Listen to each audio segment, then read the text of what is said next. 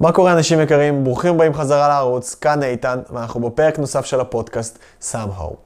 בפודקאסט הזה אני מארח אנשים שעברו דרך מיוחדת, שמסתכלים על העולם בצורה קצת שונה, שנוכל רגע לעצור, לשאול שאלות, ואולי ללמוד מזה משהו לחיים שלנו. בפרק הזה יש לי את הכבוד לארח את יעל שעיה. ובפרק הזה אנחנו הולכים לדבר על נושא שרובנו לא כל כך מדברים עליו. לפחות אני נמנע הרבה, הרבה פעמים מלדבר עליו, וזה נושא המוות. לפני שמונה שנים יעל איבדה את אביה בהתקף לב. ארבע שנים לאחר מכן יעל איבדה את אמה למחלת הסרטן. בגיל 24 יעל מצאה את עצמה עם התואר יתומה. אז בפרק הזה אנחנו נדבר על הדברים שיעל עברה, על התחושות שהיא הרגישה, ולמה לפי מה שהיא אומרת, זה הדבר הכי טוב שקרה לה. כתוצאה מהחוויה שעברה יעל, היא כתבה ספר בו היא משתפת את החוויות הכי אישיות, הכי כמוסות שלה, באיך היא עדיין מתמודדת עם האובדן. מקווה שהפרק הזה ייתן לכם ערך, שתהיה לכם האזנה נעימה.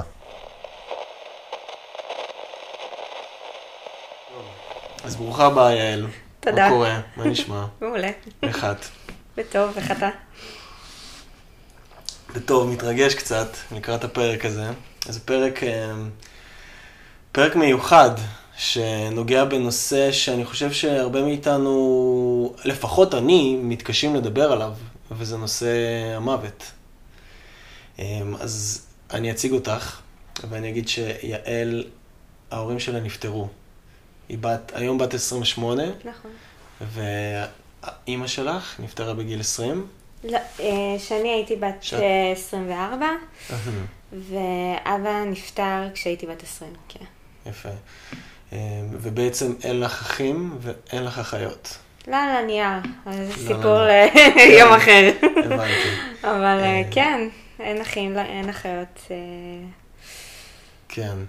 אז אנחנו מתחילים ככה עם, ה... עם הדבר הזה שהוא לא, הוא בכלל לא פשוט, רגע, לעכל אותו בכלל, זה... אני אומר את זה ויש בי גם איזושהי תחושה של קצת כזה, האם זה בסדר לדבר על הדברים האלה, איך את מרגישה עם זה בכלל? אז איך את מרגישה עם זה? אז אני חושבת שמתוך המקום הזה נולד הספר. בעצם אה, כתבתי ספר שנקרא מתחת לאור. זה אוטוביוגרפיה על האובדן של ההורים שלי. אה, ואני, בא לי רגע לתת אה, רקע וקצת כן, כן, כן, ברור. סיפור למאיפה הכל התחיל. אז רגע, לפני שאת באמת מתחילה את הסיפור,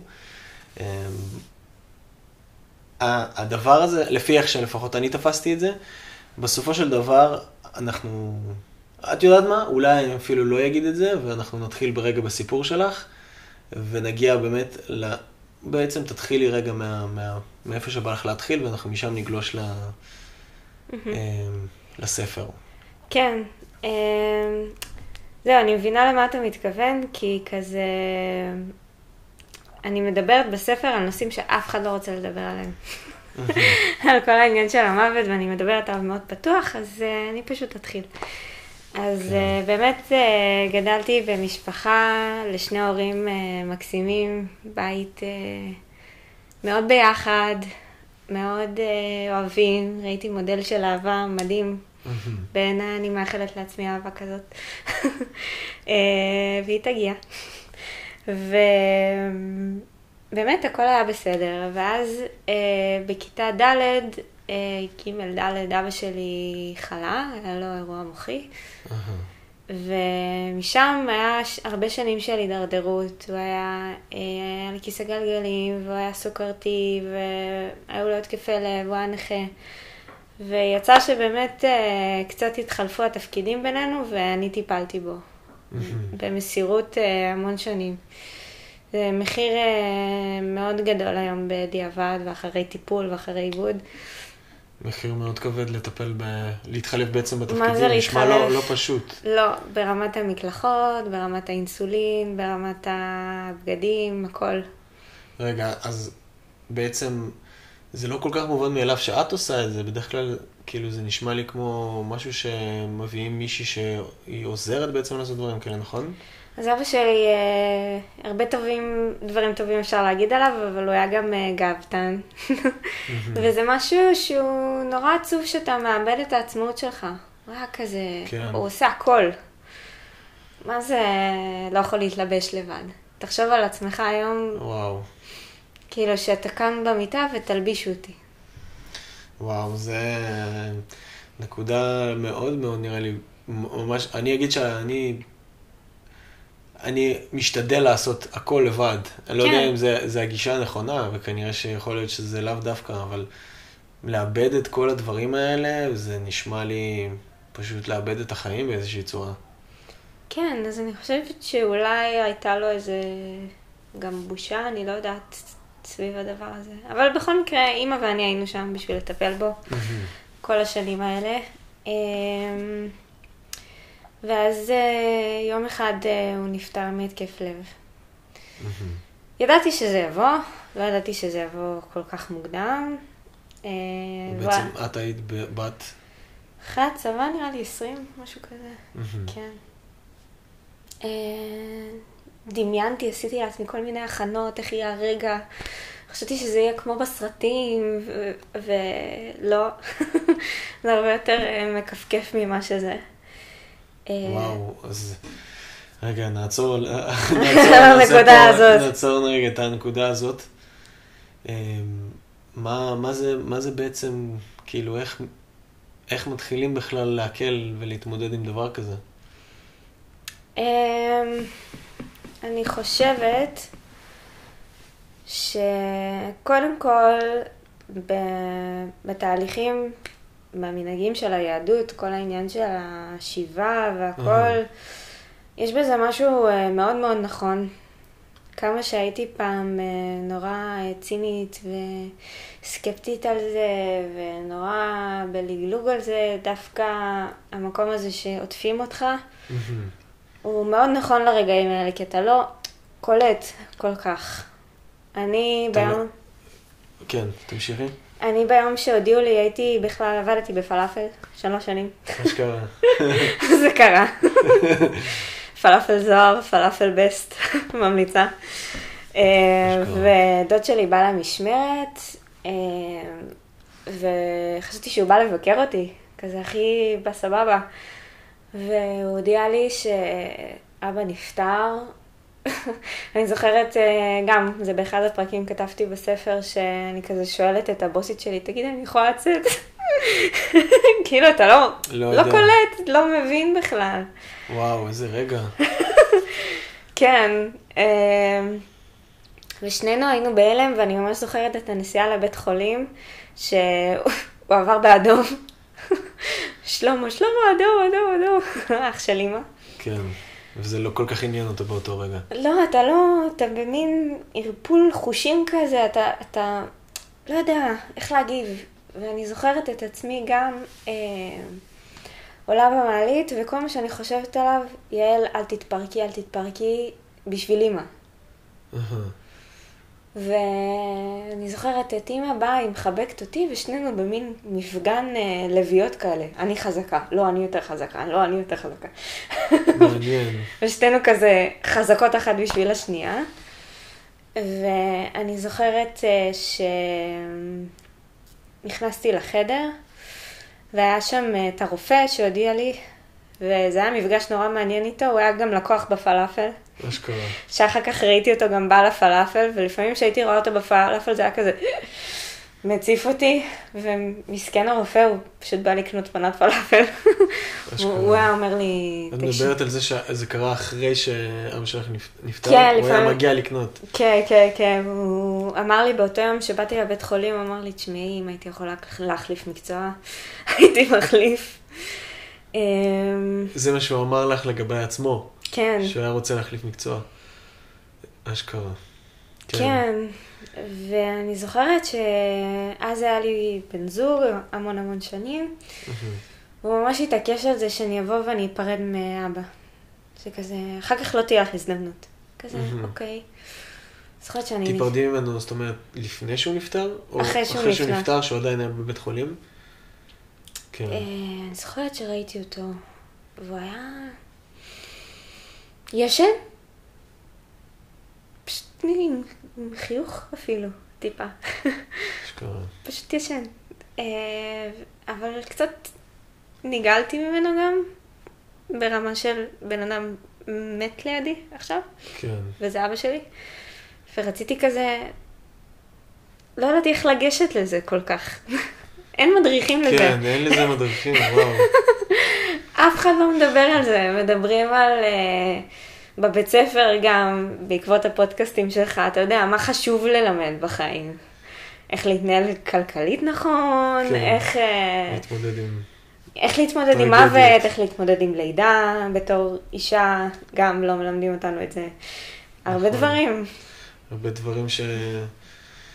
מעניין למה לא מלמדים אותנו את הדברים האלה, את יודעת, זו תמיד שאלה שמסקרנת אותי, אבל אנחנו... ליום לא- אחר. ליום אחר, נכון. עכשיו, אז בעצם, מעניין אותי לשמוע, בעצם זה משהו שהוא כן הפתיע, אבל מצד שני היה גם איזושהי כביכול סוג של משהו שהיה ציפייה.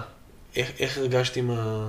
איך הרגשת במקום הזה? אז אני חושבת שפסיכולוגית בתור ילדה, היה לי הרבה פעמים אה, חלומות על ה... כל התהלוכה הזאתי, שאחרי שהוא נפטר, ואיך קוברים אותו, ודמיינתי כל מיני תרחישים כאלה בשביל כזה, אוקיי, שזה יקרה ברגע האמת, אני אהיה מוכנה. לא. לא, זה לא. עדיין מכה בך מאוד חזק ומאוד כואב. אמ, אין, זה כמו שיש לי עכשיו למשל חברה שהיא בהיריון, ואני רואה אותה קוראת אה, באדיקות אה. ספרים להכנה ללידה. זה מעניין, בשבילי מאוד מתקשר העניין הזה של לידה ומוות מן הסתם. מעניין מאוד. אה, ואני רואה אותה קוראת בטירוף, אבל בסוף יוצא לך בן אדם מבין הרגליים, ומה מה עושים? אתה חושב שאתה יודע, אבל אתה לא יודע, אין מדריך להורות מושלמת, וגם אם אתה קורא את כל הספרים בעולם על איך להיות אבא טוב, יש את המציאות שפוגשת אותך רגע. כן, זה נכון. מעניין מאוד. אמ, אוקיי, אז בואו נמשיך קצת בסיפור קדימה. אנחנו... אז אה, אחרי שאבא נפטר, באמת אה, אימא ואני אה, גילינו את הקשר שלנו מחדש.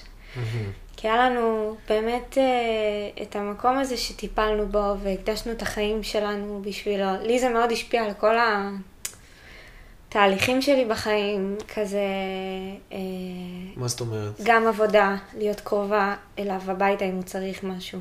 גם אה, בצבא, כזה בחרתי לשרת קרוב לבית.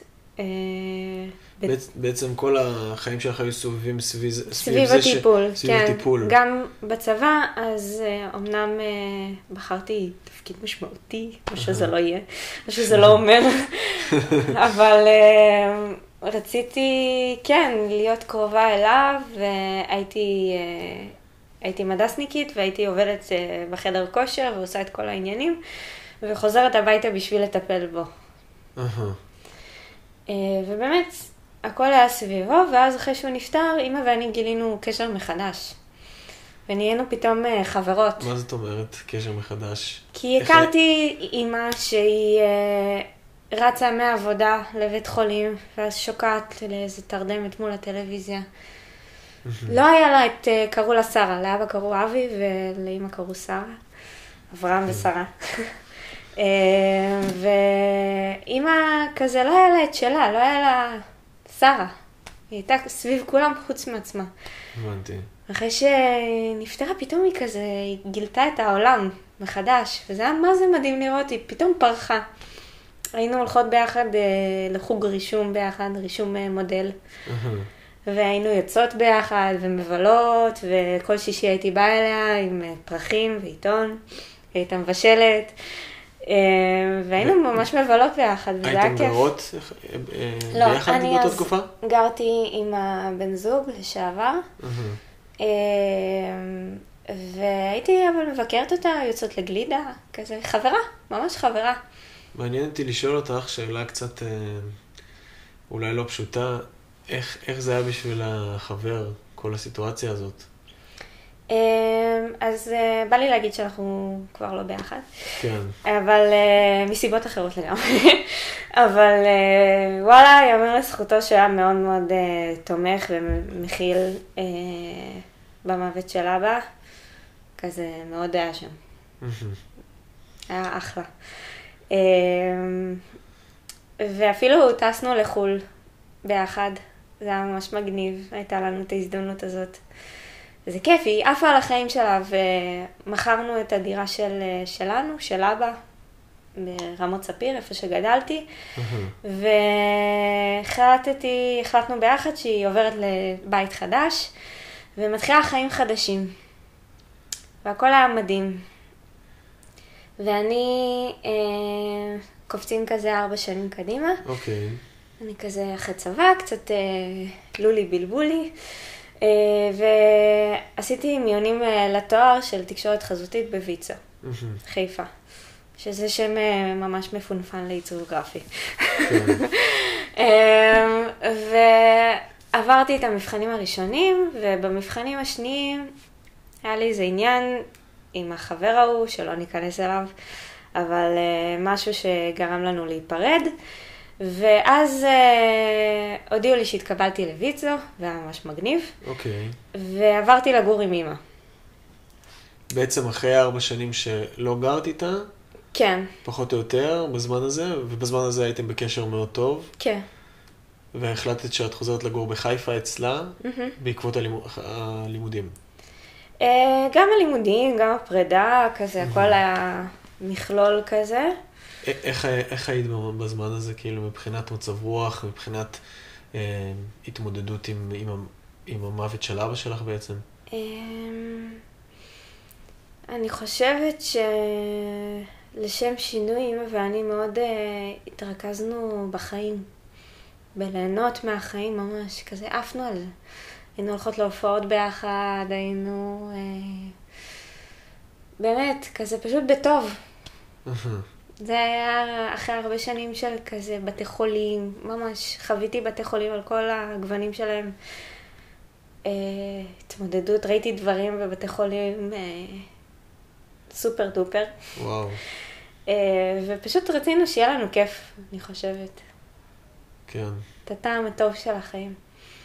ואז אה, שמתי לב להתנהגות משונה אצלה. אה, היא בוכה המון, ירדה במשקל, בלי אוריינטציה, מאוד מבולבלת, עשתה תאונה עם האוטו, משהו לא בסדר. ולקחתי אותה לרופאת משפחה, והיא אה, אמרה לה, היי, בדיכאון, קחי איזה כדורים, יאללה, ביי.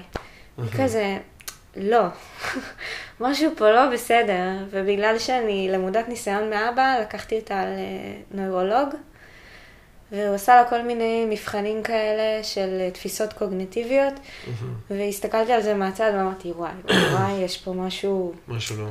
משהו לא בסדר. ובגלל שאני באמת אה, למודת ניסיון, הבאתי איתי סוואטשר ואוכל, אמרתי, זה הולך להיות לילה ארוך. ובאמת הוא אמר, טוב, מפה אתם ממשיכות למיון, ככה. ואני זוכרת שהייתי איתה במיון, עשו לה CT לראש, ואמרו, יש ממצא. רופאים אומרים, אוהבים להגיד ממצא. אמ, בוא. הבנתי. שזה סימן בעצם לא כל כך טוב לשמוע את זה. לא, זה גם מילה מפונפנת לגידול. אמ, ואז אה, ראיתי בן אדם אה, מפוחד. ראיתי את אמא שלי מפוחדת. עכשיו לראות בן אדם בכזה חוסר אונים. מה, מה, חוץ מלחבק אותה אין לי מה לעשות. למה בעצם, בגלל ש... אחרי שהודיעו לה את זה, היא הייתה נורא מפוחדת? כן, כן. זה מפחיד. זה מפחיד, זה זה נשמע לי... מפחיד. זה משהו שאני בעצמי לא יודע איך אפשר לעכל דבר כזה, זה... ואני נכנסתי לאיזה מין מוד הישרדותי של טוב, מה אני עושה? מה אני עושה עם עצמי? אה, והיא התחילה קצת לאבד אה, קשר עם המציאות, ואני גם בתוך כל זה. אה, שם, שמנו אותה בבית חולים אה, איטלקי, שזה בית חולים בחיפה, שהוא הוספיס. שזה... מה זה אומר הוספיס? הוספיס זה בעצם נקודה אחרונה בחיים של בן אדם, שזה אשפוז יכול להיות בבית, או בבתים, בתי חולים, או בתים מסוימים, שבן אדם אה, בוחר או לא בוחר, אה, לסיים שם את הדרך. אה, ו... כן, היא הייתה שם אה, בהוספיס, זה בית חולים אה, מקסים, מנוהל על ידי אה, נזירות ונזירים, זה עם תקרות ענק ופסטורל תמיד יצא לי לעבור ליד הבניין הזה. כן, ו- והוא נורא יפה, הוא באמת נורא יפה מבפנים וגנים, כן, ומאוד דיסוננס כזה חמור. חמור בין... ומהרגע שבאמת גילו לה את הסרטן במוח, אה, ועד שהיא נפטרה עבר חודש וחצי. וואו. זה היה מהר. וואו. וואו. וזה בעצם משהו שכאילו, מרגע שהייתה נורא בריאה לפתאום חודש וחצי ו... וזהו. וזהו, וואו. זה... זה... כן, זה טלטל. מטלטל בצורה מטורפת. מה... מה אה, עושים, מה, כאילו, מה, מה עושים ברגע כזה, כאילו, איך זה... קודם כל, יש אה, מלא דיבורים על אה, שלבים של אבל, ואחד מהם שאני מאוד מאוד מסכימה איתו עכשיו בראייה קצת יותר בוגרת אחור, זה קודם כל הדחקה. קודם כל, הכל פנן, סבבה. אני זוכרת את עצמי יושבת בשבעה, יושבת במרפסת, נהנית מהחיים, אה, כל החברים, יאללה, מסיבה. כולם יושבים על כיסאות, מלא אוכל, מה, כיף, סך הכל. כן, אתה לא קולט בכלל. מצד שני, אה, עליי נפלה ההבנה עוד לפני, בגלל שאני למ- עם ניסיון. אז אה, למשל, אחד הדברים שאולי יישמעו למאזינים שלנו קצת קיצוני שעשיתי, אבל הוא היה לי הכרחי.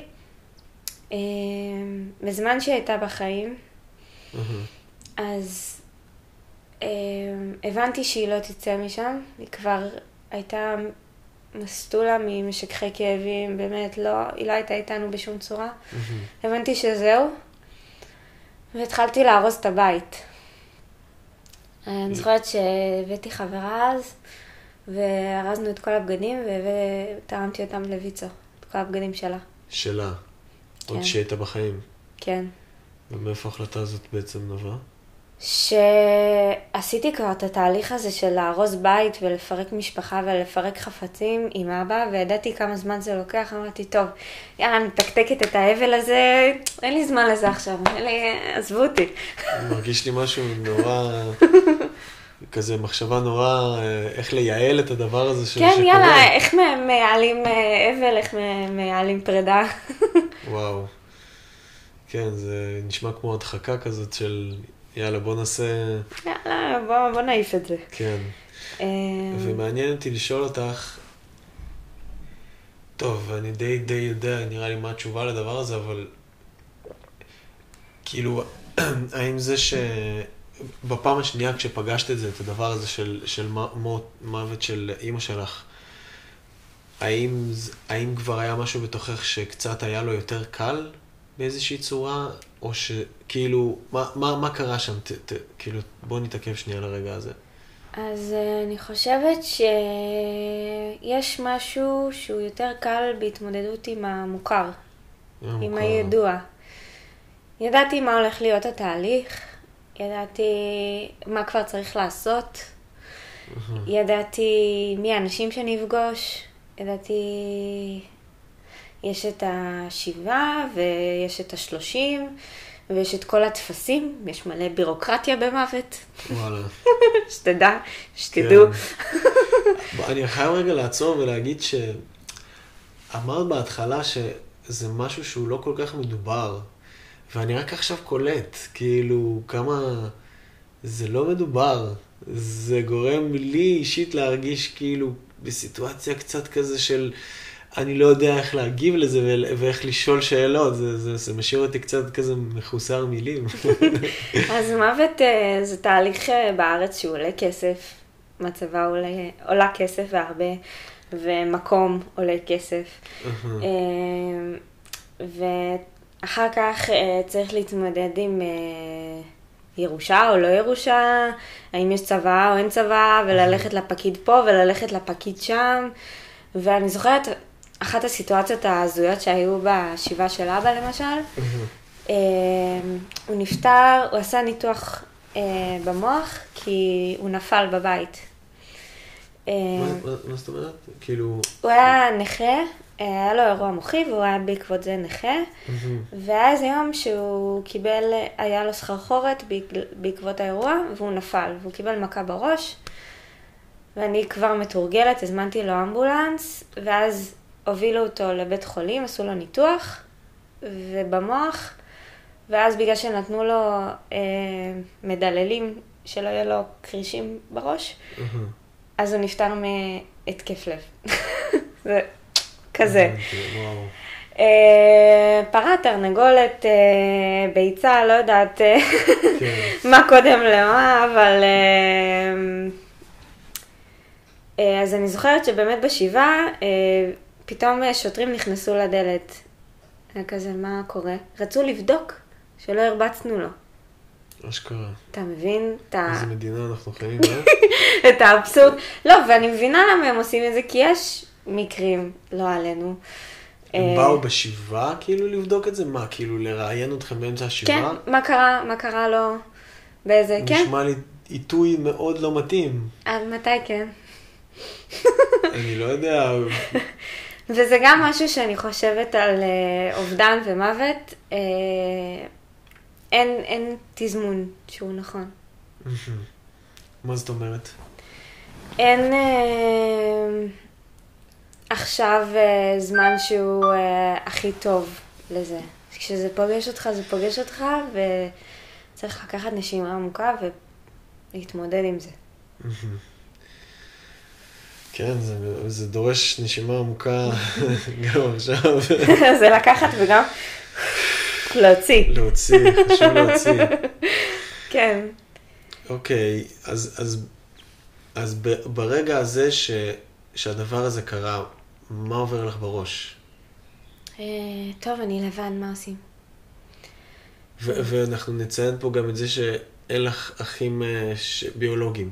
לא, אז את מוצאת את עצמך בגיל 24. 24 לבד בעולם. לבד, אבל גם לא לבד. חשוב לי כן לתת קרדיט לחברים ולמשפחה שהיו איתי באותה תקופה. באמת שהם לא זזו ממני ונורא דאגו לי ותמכו בי ועזו. באמת, זו הייתה מעטפת. בלעדיה אני לא חושבת שהייתי יכולה. את האמת. אתה לא וואו. לבד, באמת. זה גם משהו שחשוב לי מאוד להגיד. אתה חושב שאתה לבד, אה, או, אף אחד לא מבין אותי. ודרמטי. כן, אבל אתה תמיד אה, מוקף אם אתה בוחר להיות מוקף. כן. וזה. וזה משהו ש, שבחרת כן להתעמך בו בזמן הזה? אה, בהתחלה אני חושבת שזה לא היה מודע כל כך. פשוט, אה, אם לתאר את ההרגשה הזאת במילים, מכיר את זה בהופעה שעושים כזה דייב אחורה, כזה, והקהל סוחב אותך לאחור, כן. אז זה כזה. שאתה במין היי של הדחקה, ואתה מוקף באנשים ואהבה ותמיכה, אתה לא בוחר כל כך. גם כל העניין הזה של שיבה, אתה לא בוחר. אנשים פשוט מופיעים אליך הביתה, אתה רוצה לראות אותם, לא רוצה לראות אותם. חושבים שהם אה, מומחים גדולים לאיזה משהו, באים לך עם איזה הטפות ועם האמת שלהם, ואתה כזה, אחי, אני לא... איך, מה? כן. מה? ודיברת על, אמרת, הזכרת את זה, שלבי האבל, ודיברנו על ההדחקה בהתחלה, נכון? הדחקה, כן, ואז, אה, זהו, אני לא מומחית לשלבים האלה, אני כן, לא... לא, לא באתי לשאול על המומחיות לגבי השלבים. אה, האמת שבאתי יותר לשאול, בשלב ההדחקה, האם זה משהו שכאילו, מה, מה את מרגישה בשלב הזה? את מרגישה שאת יכולה להתמודד עם זה? כאילו, הכוונה שלי זה, אם זה איזשהו פיק כזה, שבסופו של דבר יש גם אה, ירידה של מצב רוח, כאילו, מההדחקה בסוף, לאן מגיעים? מה, אז, מה הרגשת אה, אחרי ההדחקה? למזלי, אה, חודש אחרי שאימא נפטרה, התחלתי את התואר. ממש, היה כזה טק, טק, טק. וואו. אה, ובחרת להמש... לעשות אותו. בטח, בטח. זה היה... לא מובן מאליו בכלל. זה הגלגל הצלה שלי, מודה לו עד היום, ממש, שבזכותו גם נולד הספר. אמ, א- איך לומדים, כאילו איך מצליחים להתרכז בלימודים אחרי הדבר הזה? למזלי באמת, התואר הוא היה כל כך תובעני וכל כך דורש וכל כך... אה, אינטנסיבי שלא היה, לא הייתה לי ברירה אחרת אלא להישאב לזה. זה. תואר אה, ממש קשוח, ואני זוכרת גם, אתה אומר, איך אה, התמודדת עם כל הסיפור הזה בהתחלה. אז אחד הכלים שלימדתי את עצמי בתוך זה, זה שבשבעה של אימא ממש התעקשתי לישון לבד. גם ישנתי במיטה שלה, שזה גם סוריאליסטי. אבל אמרתי... לישון לבד, כאילו... בבית. בבית, לבד. כן. כי אמרתי, אם זה שיעור שאני לא אלמד עכשיו איך להיות לבד ואיך להתמודד עם הלבד שלי עכשיו, אחר כך, וואו וואו וואו, וואו וואו וואו. תשמעי, זה... כאילו, את בסוף, את בחורה פחות או יותר בגילי, אני, אני מסתכל על הסיטואציה הזאת ואני אומר, זה... את נראה לי פשוט בחורה מאוד מאוד חזקה ומיוחדת, זה משהו שהוא לא מובן מאליו בשום צורה. אני בא לי לשים את זה רגע על השולחן. אמ, כאילו, את, את כזה מקלילה את ה... את, את, את הופכת לדבר, את גורמת קצת לדבר הזה... אמ, כאילו, זה... אני, אני יכול להגיד שאני מכיר אנשים שעברו חוויות הרבה יותר, בוא נגיד, פשוטות, וזה לקח אותם למשעול. ואצלך זה נשמע כאילו, זה די משהו ש... איכשהו הצלחת להכיל אותו ולהמשיך בחיים שלך, ללכת ללמוד חודש אחרי. זה... אז אה, קודם כל זאת הזדמנות אה, להגיד אה, תודה להורים, איפה שהם לא יהיו. שבאמת קיבלתי מהם דוגמה מאוד חזקה על איך, על חוזקה. ממש אה, על חוזק וחוסן אה, נפשי, שלא משנה מה הם עברו, הם הצליחו להמשיך עם החיים. הם בחיים שלהם עברו דברים שחיזקו אה, אותם, זה הכוונה? בא לי, האמת שזה כזה תזמון ממש טוב, בא לי להקריא סיפור על. אבא. אז אחר כך נגיע לשם. כבוד גדול לשמוע. אז זה פרק אה, 20 שנקרא הדוק, שיש בו אה, שרוכים אה, פרומים אה, של אהה. נעליים, שגם לזה נגיע בהמשך. כן, אוקיי, זה כבר מסקרן. כן. אה, טוב, אז אני פשוט אה, אקריא אותו. אז אה, ככה. איך לטפל ברגל סוכרתית? קודם כל צריך לרחוץ את הרגל, אחר כך צריך בעדינות מבלי לפתוח את הפצעים הישנים לגרד את כל האור המת, למרוח קרם ולעשות את הרגל כדי שיוכל לזרום דם לרגליים, בשביל שלא יכרתו אותן לאבא. אנשים עם נמקים ברגליים מסריחים. אבא הבטיח לי שהוא ירקוד ביום הולדת שלי. כשבאתי לבקר אותו במחלקה לש... לשיקום, הוא היה על כיסא גלגלים, והרופא הרשע אמר שהוא לא ילך יותר. אז השתמשתי בטריק שעד היום בא לידי שימוש, והסתכלתי עליו בעיני עגל ושאלתי אותו, מה אבא, לא תרקוד ביום הולדת שלי? ואז הוא הבטיח. אבא לימד אותי שלגבר צריכה להיות מילה. הוא כל לילה היה מרים את עצמו מהמיטה, ומאמן את עצמו בהליכה לאורך, לאורך המעקות שהיו פרוסים על קירות בית, בית החולים, גורר את הרגליים, ומזיע רק כדי שיוכל לרקוד ביום הולדת שלי. כשלא היה לו כוח לחזור, הוא היה נרדם במחלקה נטושה, והאחיות היו צועקות עליו שהוא עושה בעיות וגוררות אותו בחזרה לחדר שלו. הוא לימד אותי משמעת מהי, מהו כוח רצון. הוא הבטיח שהוא ירקוד ביום הולדת שלי, וכך היה. הוא נעזר במקל של סבא והתנדנד כמו ברווז ביום הולדת שלי. הוא מחא כפיים וכמעט נפל מרוב התרגשות. אחרי הרבה שנים הוא נפל בסלון, וקיבל מכה בראש. מכה שהובילה לניתוח מוח דחוף, שהוביל להתקף לב שהוביל למותו. אני שמחה שהוא מצא את הכוחות לרקוד ביום הולדת שלי. היום אני רוקדת בשביל שנינו. חזק מאוד. תודה. אז כן, באמת אה, הייתה לי אה, דוגמה חיה לכוח רצון כזה שהוא גדול מהכל. ואני לוקחת את הכוח רצון הזה ואת ההתמדה ואת הנחישות לכל תחום בחיים שלי. וזה תכונות שמלוות אותי בכל דבר, אז אני שמה לעצמי מטרה וכובשת אותה. ועד שאני לא מגיעה אליה, אני לא נרגעת. וואו. זה, ו, ובעצם חלק, מה, חלק מההתמדה והכוח רצון הזה בא לידי ביטוי במה שאנחנו רואים כאן, כן. באיזושהי אז, צורה. כן, אז באמת אה, שמתי לעצמי מטרה אה, לסיים את הלימודים. אוקיי, כן, בואו נחזור באמת לרצף של הסיפור שלנו רגע אחד. כן, אה, היה לי ממש ממש חשוב להתחיל ולסיים, להתמיד, בשבילי. לא משנה אם אני אהיה מעצבת אחר כך או לא, זה לא העניין. העניין הוא כזה לשים מטרה ולעמוד בה. ובסוף אה, הלימודים, בסוף הארבע שנים האלה, מגיע הרגע של מעצב. מעצב אה, מתחיל. רגע, שנייה, לפני שאנחנו מגיעים לסוף של הלימודים, אהה. איך היה בזמן הלימודים? וואי, איזה תואר קשוח. תואר קשוח, אה? וואי, וואי, וואי. אני יודעת שכזה, כל מי שבטכניון אה, יגיד, אה, אה, כן? אבל אה, זה קשוח אה, ממקום אחר, כי זה תואר שעוסק ביצירה, ואין לזה ממש תשובות נכונות או לא נכונות, ולילות בלי שינה, ומלא כסף שאתה שופך על הדפסות שבכלל לא קורות. וגם בלימודים פגשתי חברים שאני יודעת שהם יהיו איתי לכל החיים. אה, ואיך הרגשת, את באותה תקופה בעצם גרת לבד, גרתי לבד. ואיך הרגשת עם התחושה הזאת שחוזרים הביתה ובעצם אין את התמיכה, את התמיכה הזאת של להראות, לא יודע, לעשות משהו עם ה... כאילו לשתף מישהו בתהליך שאת, שאת חו- חווה בעצם. אז אה, הרבה רגעים של אה, בדידות, גם היה תקופה של אה, טיפול פסיכולוגי, אבל גם הרבה חיפשתי דר, דרכים איך להתמודד עם זה.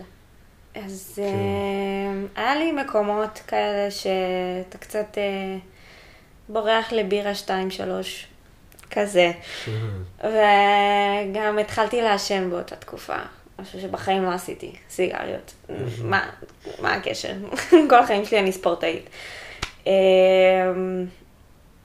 אה, סליחה שאני כותב אותך, את, את אומרת משמעת עצמית, את אומרת אה, חדורת מטרה, עכשיו את מזכירה ספורטאית, יש בך אה, משהו פייטרי כזה, כן, שזה...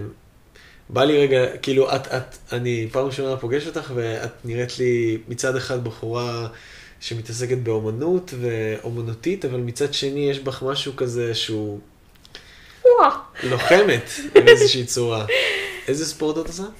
אז אה, כל הילדות שלי תמיד התעסקתי בספורט. אה, עשיתי קפוארה המון שנים, ועשיתי התעמלות אה, מכשירים, ואקרובטיקה, והתעמלות אומנותית, וכשהייתי ילדה זה היה כל החיים שלי ממש. ואחר כך גם, כזה תמיד חיפשתי איזה מסגרת של ספורט, ואמרתי, אוקיי, זה, זה מקום טוב, זה פורקן שהוא חיובי, שהוא כן. בריא, שהוא מוציא אגרסיות, שהוא מוציא עצבים, וגם אה, תורם למצב רוח, אז אני ממליצה. כן, זה מומלץ. אני מומלץ. יכול להמליץ. גם, ולא כזה, פעם הייתי מאוד אה, דתית לגבי זה, אה, לגבי... לגבי הספורט. לגבי, לגבי ספורט ולגבי אה, תזונה ואורח חיים בריא. והיום אני כזה יותר גמישה עם זה, כי כזה, יש גם את החיים תוך כדי, כן. ולפעמים לא בא לך, והרגעים האלה שבא לך אז אתה עושה את זה כי אתה באמת רוצה. כן, מבין מה את אומרת. אני, אני מצליח לראות, אני, אני אגיד שגם אני באיזושהי צורה גם פנאט כזה ו, ועושה דברים, ב, מתאבד עליהם באיזושהי צורה, אז אני, אני מכיר את זה, את התכונה הזאת, ואני רואה שכאילו אני מצליח לראות את זה גם אצלך. כן. ואני תוהה, אני בטוח שיש לזה גם קשר ביכולת שלך להתמודד עם דברים. ואולי תפרטי קצת על זה, מה את חושבת, אם יש קשר או אין קשר? אה, אני חושבת שיש קשר, אה, שבסוף, לא משנה כמה אנחנו, אני חושבת, נלך לטיפול או נקבל אה, כלים מבחוץ, אני חושבת שבסוף אנחנו המורים הכי טובים לעצמנו. אנחנו, בסוף אם מישהו אה, מוביל לנו את העששית, אז אנחנו הולכים אחריו, וזה הדרך שלו. אבל אני הייתי רוצה להחזיק לעצמי את הנר. מעניין מאוד. זה, זה עולה לי המילה עצמאות.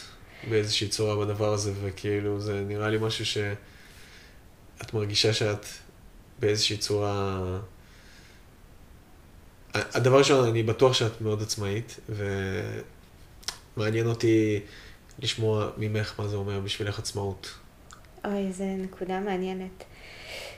אני, עצמאות בשבילי, זה דווקא לבקש עזרה היום, אתה יודע? באמת? כן, כי אני גם ממקום כזה של אה, אגו, ומה, אני יכולה לעשות אותו הכל לבד, מה, הכל קטן עליי, פפפ, מה?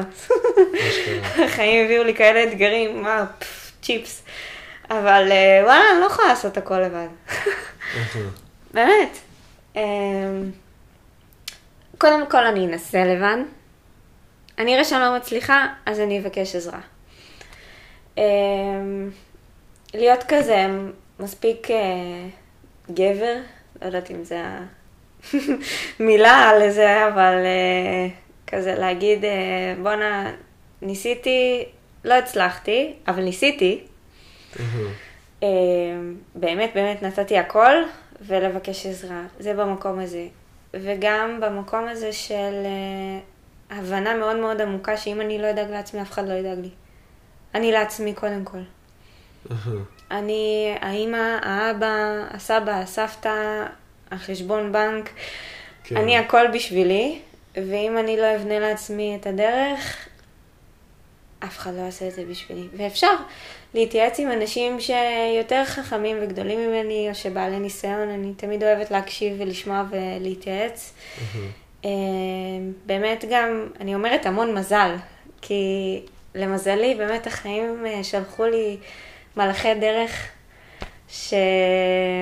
שעזרו לי ותמכו בי, ויכולתי להשתמש בשירותים שלהם, או שאפילו נתנו לי עצה טובה, או רגע של להישען רק בשביל לחזור לתלם. מה זה אומר? מה, אני יכולה לתת דוגמה למצב כזה של... אמ, דוגמה, אמ, למשל, אני חושבת איזה, איזה דוגמאות אישיות, לא בא לי לחשוף אנשים שלא בא להם לי כזה. מכניס רגע את החתול שלו. כן, כן. חתולי. בטח. הוא יכול להצטרף אלינו לפודקאסט? כן, אם הוא ירצה, אבל הוא לא... הוא לא בקטע. הוא לא, הוא כזה בשל. אה, אני יכולה לתת אה, למשל אה, דוגמה מהלימודים, שבאמת היה כל כך כאוטי ועמוס, ושנינו הרגשנו שאנחנו באותה סירה ביחד. ו... מה זאת אומרת שנינו הרגשנו? למשל, יש לי חברה ממש טובה, שממש גרה איתי באותה תקופה של הלימודים ביחד בבית, ותמכנו אחת בשנייה, אז זה היה זה. וגם במסגרת הלימודים של ויצו, המרצים והצוות היה כל כך מדהים ועזר לי ונתן לי רגע של הישענות. אמ, זהו, חשוב לי להגיד ששום דבר לא מובן מאליו, ושום דבר, אה, אסור לקחת אנשים כמובן מאליו, שזה גם לקח שמאוד לקחתי מכל התהליך הזה, שאנשים שם, ואולי אני בוחרת להישען עליהם, אבל הם גם אולי לא תמיד יהיו שם. Uh, ותהליך, היה לי המון תהליך של uh, התכנסות פנימה, שיבלול כזה, ומאוד uh, להתנתק מאנשים גם, אבל גם אחר כך לצאת החוצה ולהתמך ולתמוך.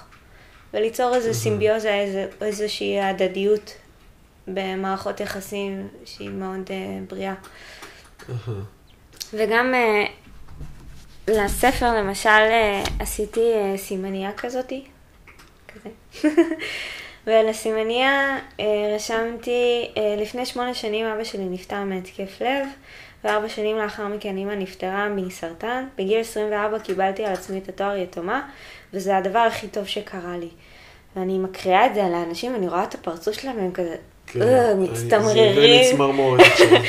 הם כזה, יכול להבין אה, אותם. מתהפכת להם הבטן, כזה, מה? איך את אומרת דבר כזה בכלל? מה? איך... זו אמירה קצת... אה, זו אמירה קשה ובועטת, ואנשים גם קיבלו את זה לא בטוב אנשים שהכירו את ההורים כזה, מה, איך את יכולה להגיד על ההורים שלך את הדבר הזה, הם אהבו אותך כל כך. אבל מי שמשכיל שנייה לעצור ולחשוב על המשפט הזה עוד פעם, מבין שהמוות שלהם, בזכות המוות שלהם נולדתי מחדש. אני יעל שהיא לא עסוקה אה, במה ההורים יגידו, אני לא עסוקה בדעות שלהם, אני לא עסוקה באיזה דרך נכונה או לא נכונה, אני צריכה להתוות לעצמי את הדרך. וואו. אה, זה מאוד חזק מה שאת אומרת עכשיו, זה...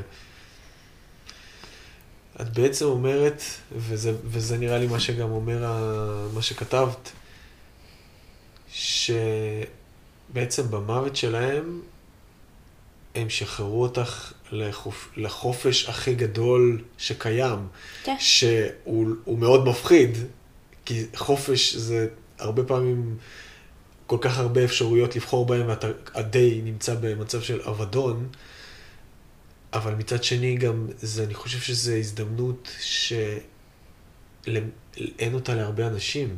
כאילו זה, זה מטורף לחשוב על זה קצת ככה, וזה, וזה, אני גם מרגיש כאילו קצת כזה לא בסדר להגיד את זה, אבל אני, כשאני חושב על זה, אם חושבים על זה ברמה של רגע, רמה יותר עמוקה של, של החיים, אז זה, יש פה משהו ש...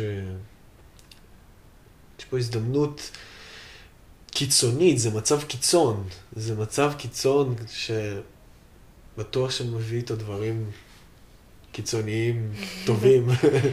כן, גם יותר מדי חופש, אה, חייבת להגיד שהוא... אה, גם יותר מדי חופש, אני חושבת אה. להגיד שהוא לא מקום כזה טוב. נכון. ליצור בחופשיות זה מתוך גבולות. חד משמעית, זה, משהו שאמרנו בפודקאסט כבר כמה פעמים גם, ש... ואני גם אישית מאוד מאמין בו, שבאמת בשביל שיהיה לך חופש אתה צריך גבולות.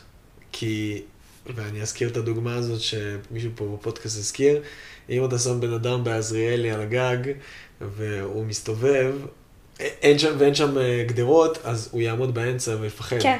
ואם אתה שם לו גבולות, מה יקרה? כן. תתחיל להסתובב ולה, נכון. ולהרגיש יותר בנוח. נכון, אז אני חושבת שהלימודים היו אה, במקום הזה, בחיים שלי, המסגרת שלי. Mm-hmm. ואז אני קופצת כזה לקראת סוף הלימודים. והגיע הרגע הזה ש...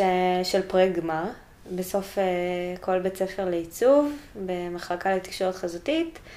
המעצב הצעיר צריך uh, להפגין את uh, מיטב כישרונותיו ולהראות את. הכי טוב שלו בעיצוב. עכשיו, עיצוב זה באמת ענק. יש היום אפליקציות, אתרים, כן. מיתוג, מלא, מלא, מלא. זה אה, עיצוב חזותי נחשב? תקשורת חזותית, תקשורת כן. תקשורת חזותית. כן, באמת. כי יש גם עיצוב תעשייתי. כן, זה מש... תחום אחר. אחר. כן, תקשורת חזותית זה באמת אה, גם בתחום של אפליקציות, אתרים, פרינט, איור, מושן, וידאו, צילום, ענק, זה ענק, אתה יכול לקחת את זה למלא כיוונים. ואני ממש לא רציתי להתמודד. אני ממש לא רציתי להתמודד עם הפרויקט, ולא להתמודד עם מוות, ולא להתמודד עם כל הדבר הזה, שכל הארבע שנים האלה של ההדחקה, אפשר להגיד. וגם, אני חושבת שכל שנה תמיד יש מישהו בתערוכות בוגרים שמתעסק במוות ואובדן. ואני כל שנה הייתי הולכת בתור סטודנטית ורואה את הארוחות, ולכל אחד מת סבתא, מת סבא, והוא סיפר את הסיפור שלו, או מת אימא. ומה זה גרם לך להרגיש שזה... הרגשתי שזה בנאלי רצח. שזה בנאלי. כאילו, זה גלגל החיים, וזה קורה, ומה אני, כאילו, יש לי לחדש בזה? מה אני יודעת על החיים? בעצם רצית להיות קצת יותר מיוחדת ויצירתית במה שתביאי, והנחת שזה אולי קצת מובן מאליו, הדבר הזה, הנושא הזה של מוות? הפוך, אמרתי, אני לא יודעת כלום. אה, וואלה. אני מצטטת רגע את אריסטו ואמרתי, אני לא יודעת כלום. והרעיון הראשוני היה לפרויקט גמר זה לעשות מדריך אה, למוות. אה, איך מתמודדים עם אה, אבל, עם אובדן, עם שכול. הפעולה הראשונה שעשיתי, בגלל שאני לא יודעת כלום, אמנם חוויתי את זה על עצמי, על בשרי, התחלתי לראיין מלא אנשים. קצת כמו שאתה עושה בפודקאסט כן, פה. מעניין. מנסה להבין, אה, מנסה להבין את החיים דרך אנשים אחרים. כן, ממש ככה. יפה. אה, בואנה, זה... את נוגעת גם בנקודות שמאוד רלוונטיות אליי, כאילו, את מדברת על עצמך ואני ישר... לפני שאמרת על הפודקאסטים, אמרתי, משהו פה קשור לפודקאסטים, ואז אמרת את זה. לפודקאסטים. אוקיי, כן. תמשיכי. אז אה, ראיינתי פסיכולוג ומתקשרת וקברן, ווואי, עובדת סוציאלית, ובאמת, מה ראיינת אותם, כאילו? שאלתי אותם איך מוות אה, נוגע בחיים שלכם, מתי חוויתם אובדן, והגעתי לסיפורים, וואו. מטורפים על החיים. דייג, היה לי ריאיון עם דייג. דייג. וואו, סיפר על אבא שלו שטבע בים, תקשיב, איזה סיפורים, וואו, איך הגעת וואו. לדייג? מעניין. איך הגעתי לדייג זה גם סיפור מעניין, מצאתי אותו בים, וואלה, בזמן פעולה של דייג. באמצע דייג והוא כזה, אמרתי לו, אתה דג כי חווית אובדן, נכון? הוא אומר לי, נכון, איך את יודעת? אמרתי לו, אני יודעת. לא יודעת. איזה אינטואיציה מטורפת שהייתה לי, איזו תחושת בטן. שפשוט הרגשתי עמוק בפנים, וקבעתי איתו רעיון, וראיינתי אותו. סיפורים מדהימים באמת על החיים. אוקיי. ואז אה, הגעתי כבר אה, כזה ספר שמנמן עם מלא רעיונות. אמרתי, יאללה, אני מפציצה, זהו, עשיתי את שלי, אני יכולה ללכת, אה, תודה רבה, סיימתי את התואר, יאללה, תשחררו אותי מהסיפור הזה. אוקיי. ואז אה, המנחה שלי, נועה מדהימה, תמיד אני אזכור אותה לטובה, אמרה לי, אה, מאוד יפה מה שעשית, אבל אולי אה, תספרי את הסיפור שלך. וגם אה, חבר באותה תקופה אמר לי, תגידי, את ראיינת את עצמך? ואני כזה, לא, למה שאני אראיין את עצמי? מה אני, כאילו, מה יש לי להגיד בעצם? אני, אני יודעת על עצמי הכל. אני לא יודעת כלום על עצמי, מסתבר. מעניין מאוד. ואז אמרתי, טוב, אין בעיה, אם אני מביאה את הסיפור שלי, אני פותחת על. אלפיים. אם אני מספרת, אני מספרת הכל, בלי פילטרים, בלי עכשיו אה, חמודה ונחמדה, אני באה כמו שאני, ככה. זה לא בחירה מובנת מאליה. כאילו הלכת מבעצם לספר סיפור שהוא כביכול דרך האחרים, לכביכול הקיצון השני של של המשוואה. כן, כי אני הרגשתי שהרבה זמן הייתה לי בטן מלאה על הנושא הזה. ש... כאילו בעצם, כן, הרגשת שבא לך להוציא את זה, אבל באיזושהי צורה הרעיון של האנשים האחרים זה היה סוג של לא באמת להוציא את זה כמו שהיית רוצה. אה, כמו שלא ידעתי שאני רוצה. הבנתי. זה היה פילטר, זה היה מיסוך כזה, ואמרתי, יאללה, אני פותחת את זה על האלפיים ואני עושה את זה כמו עד הסוף. אהה. וזה התחיל אה, מתוך המקום הזה של אה, קעקועים. כן. קישרתי את זה לקעקועים. כן, אני קצת אה, מאותרת. כן, אז אצלנו בפודקאסט, אה, מי שצופה ביוטיוב, יכול אה, לראות. יכול לראות קצת מרחוק. ומי ששומע אותנו, אז אני אספר לו שאני מאותרת מכף רגל ועד ראש. באמת? כן. אשכרה. אה, זה אחד מתחביביי, אתה יודע, כל אחד והתחביבים שלו. כן. יש לי גם כמה. כן, יש לי אח מקעקע. כן. כן, אז אני מכיר קצת את העולם, אבל נראה כאילו יש לך עבודות של טראסט? כן, יש איזה... נכון. יש לי גם עבודה של איגו. וואלה, כן. אשכרה. אה, אחלה של איגו. אז אה, באמת אה, ראיתי את הקשר הזה מאוד חזק בין אה, קעקועים והנצחה ומוות, ואיך לספר סיפור דרך דימוי, שזה בעצם המהות של תקשורת חזותית. אהה. וחקרתי את כל העולם של קעקועים, באמת, אפילו עבדתי בסטודיו לאיזה שנייה וחצי, כתבתי סמינריון בנושא קעקועים, צללתי לזה מאוד מאוד מאוד, היה לי איזה אפילו שנייה של פנטזיה אולי להיות מקעקעת. אה, אני מאוד מאוד אוהבת את התחום ואת התרבות ואת האמנות שמאחורי זה, זה מדהים בעיניי. אה, ואז התחלתי ליצור לעצמי שפה חזותית של אה, קעקועים שהם בסגנון שלי, עם היד שלי. אוקיי. בעצם על דימויים שעוסקים במוות ואובדן. והדימוי הראשון שנולד בסדרה הזאת הוא של ערימה של כיסאות כתר. למה ראיתי את זה כבר איפשהו? כן, כן. הסימניה. נכון. נכון. אני לא יודעת אם רואים פה. אה, ונראה לי גם ראיתי באינסטגרם שלך שיש לך איזה סטורי שאת עושה כזה, איזה כן, כן. ריל כזה שאת עושה פרינט של הכיסאות. אז כן. מה זה בעצם הכיסאות? אז מה זה הכיסאות? אז בעצם אה, בכל שבעה, לא תמיד, רוצה אה, לראות יותר מדי, אבל כן. תמיד יש אה, כיסאות כתר בשבעה.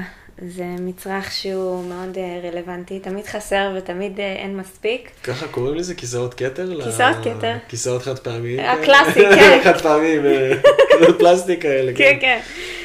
אמ, אז ברגע שעורמים אותם אחד על השני בסוף של השבעה, בעצם אז החיים מתחילים. אהבתי. וזה בשבילי גם הדימוי הזה הוא על התפר המאוד דק שבין כיסאות כתר שאתה משתמש בהם ביום הולדת ומסיבה, אבל גם בשבעה ובדבר הכי כאוב שאתה חווה בחיים שלך. כן.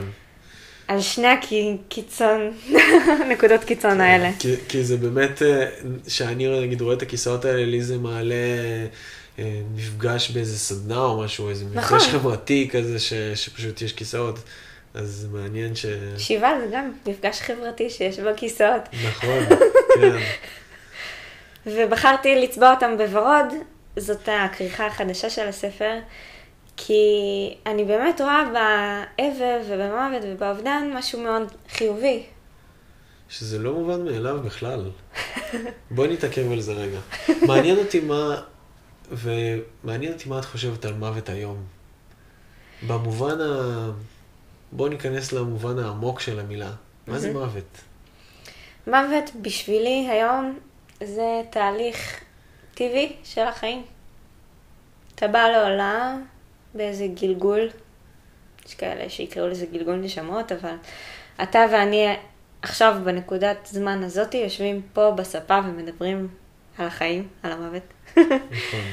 אמ, וזה תהליך שהוא של הטבע, ממש. כמו שיש אה, פריחה, מח, מחזוריות החיים בטבע, אתה יודע שעץ, כן. אה, פרח שהוא פורח, ואז הוא קמל, ואז דבורה באה לוקחת את הצוף. ופשוט התהליך הזה, זה פשוט תהליך שהוא טבעי, וצריך אה, לקבל אותו שהוא חלק מהחיים. זה. בשבילי מוות. מעניין מאוד. זה, האם המוות של ההורים שלך באיזושהי צורה שינה משהו אצלך בבחינה של האמונות שלך, מהבחינה הרוחנית? מעניין אותי לשאול. אז uh, אף פעם לא הייתי uh, בענייני uh, דת יותר מדי. לא, לא גדלתי בבית כזה, לא משהו שדיבר אליי. גם אני לא עושה אזכרות. לא, לא מעניין אותי הסיפור הזה. אני מעדיפה לקחת את הזמן שלי לעשייה ויצירה. מה זאת אומרת אזכרות? אזכרה... אה, אזכרה פעם בשנה שיש את היום של הפטירה, שעולים לקבר, יש כאלה שעושים ארוחה, יש כל. אחד, כל משפחה עם המנהגים שלה. אני כזה, תשחררו אותי מזה, באמת, יש לי פטור, תודה רבה, אני מעדיפה ללכת לים, לאכול משהו טעים. כן. אני לא צריכה יום בשביל לזכור אותם, אני כל יום זוכרת אותם מחדש. כן. אז uh, מהבחינה הזאת לא. Uh, מהבחינה הזאת שהחיים ממש יפים, אני חושבת. וחשוב לפעמים ברגעים של בלבול וחוסר ודאות ורגע של uh, בדידות ואובדן, רגע להגיד, uh, בואנה, יש דברים ממש טובים. כזה להיות. בהודיה מאוד מאוד עמוקה לדברים שכן יש לנו. יש לנו חברים, יש לנו. כן. משפחה, יש לנו את הבריאות שלנו שצריך לחבק אותה. זה פשוט גורם לך אה, אה, לקבל איזה פרופורציה לחיים. וואו. מאוד עוצמתי. מאוד עוצמתי. גם, זה לא מובן מאליו, מה שקורה פה, אה? לא. בכלל לא. כלום, כלום. וואו. זה מטורף. וגם אה, אני זוכרת שהייתי באיזו סיטואציה לא מזמן עם אה, חברה, וישבתי אצלה ובא אצלה חבר אחר, והוא כזה אומר, וואי, אבא שלי, יואו, איזה חופר אבא שלי, שבע פעמים מתקשר אליי, כל היום משאיר לי הודעות, זה, זה נודניק הוא. אני יושבת בצד כזה, קצת מתכווצת, הכי בא לי לזרוק לו, בואנה, הלוואי שאבא שלי היה נודניק עכשיו. מה הייתי נותנת בשביל שהוא יהיה נודניק? ואבא שלי היה משאיר הודעות קוליות כזה מהדור הזה. שלום, יעל. להתראות, אבא. אמ, שדרך אגב, מחקתי את כולם, אבל אה, דווקא לא, לא בחרתי אה, להקטין אותו. לא, לא רציתי לגרום לו להרגיש מבוכה בסיפור הזה, גם לי יש מאוד את הכוח לגרום להרגיש, לאנשים להרגיש בנוח עם הנושא הזה, או כזה... נכון. נכון. לגעור בהם, או לגרום להם להרגיש לא בנוח עם ההורים שלהם. אבל אה, כן, תמיד יש לנו את הבחירה פשוט איך אה, להתייחס לסיטואציה. אבל רגע, אנחנו בכלל דיברנו על קעקועים. נכון, בוא נחזור לקעקועים. כן, יפה, אני בקשב. יפה, את, את המובילה של הפודקאסט הזה בכלל, אני. אני רק uh, אורח פה בפודקאסט שלי. אז uh, באמת... איזה קעקועים, אני אקח את המושכות. ספרי לי על הקעקועים. יס. אז uh, התחלתי ליצור לעצמי שפה חזותית של קעקועים, שהייתי ממש מבסוטה עליה. ויצרתי לי באמת כזה מאגר גדול של אה, דימויים שקשורים במוות ואובדן, ואמרתי, טוב, נתחיל בכותרת, נשים כותרת ליד כל דימוי, ומתחת uh, לכל דימוי אני ארשום כזה מילה או שתיים, איך זה נוגע בי בתוך הסיפור הזה. זה כחלק מ...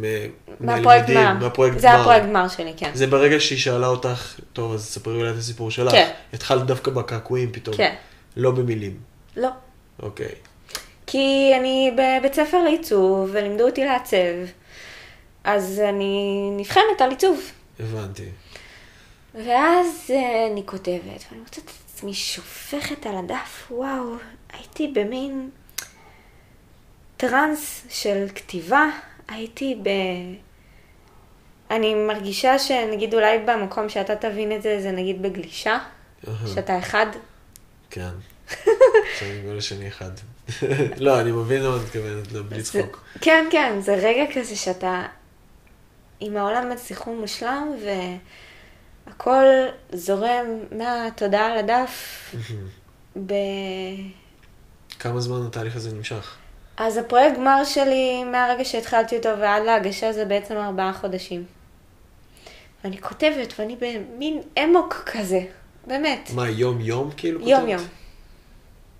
ועורכת, והייתה לי חברה שעזרה לי עם העריכה של הספר, ואני פשוט לא רואה בעיניים, ובמקביל גם חברה שלי, ולריה ואני, נבחרנו לעשות את המיתוג של התערוכה. וזה היה באמת שני תהליכים אה, מטורפים.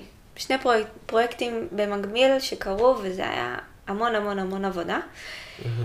ובסוף אה, כאילו נולד לי ספר. הנה, לא תכננתי, פשוט כזה... אני אתאר לאנשים, אפשר לראות כן, את הספר בבקשה? יש לנו פה ספר uh, קטן, עם uh, מתחת לאור, יעל שיה. שיה. שיה, סליחה. כן. Uh, ובעצם מה שכבר הקראת לנו, נכון? מה שכתוב על ה... סימניה, על כן. על הסימניה כתוב לנו פה. ויש לנו פה, אם אני מדפדף, זה ספר שיש בו כל, מה זה, כל... אה, כל פרק כל יש לו איור. כל פרק יש לו איור, mm-hmm. שזה בעצם, מה זה האיורים האלה? אז איורים שבעצם אה, מספרים אה, את התהליך של האובדן, ואיך אני מתמודדת עם האובדן, mm. ו... כן. אהבתי. כן, זה באמת המקום שלי להביע דרך uh, אומנות, יצירה שנובעת מכאב. ואז uh, נולד לי הספר. וזה היה מגניב, כי בכלל לא תכננתי לכתוב ספר. uh, זה נשמע כזה, לא תכננתי, ואוי, יצא לי ספר. כן. אבל נשבעת שזה מה שקרה. ואני חושבת שהדברים הכי טובים זה כשדווקא אתה לא מתכנן ונותן להם פשוט להיות. אני מנסה להזכיר לעצמי. נכון. זה מטורף, זה לא... אני יכול להגיד וזה גם משהו, נושא שחזר כמה פעמים בפודקאסט שלי, שברגע שלפעמים אתה משחרר מאמץ, ואני אומר את זה, כשאני אומר את זה, אני אומר את זה בעיקר לי, כי אני מאוד, אני חושב שאמרתי את זה, לפעמים יש את הנטייה אצלי להיות באמוק על משהו, וללכת ולהתאמץ ולחשוב איך אני מקצר את הזמן כדי להגיע למטרה הזאת, אבל לפעמים מה שבאמת דרוש זה רגע לשחרר ולתת לדברים לקרות, וככה קורים דברים כמו, כמו שבעצם קרה, שנראה שקרה כאן. ממש.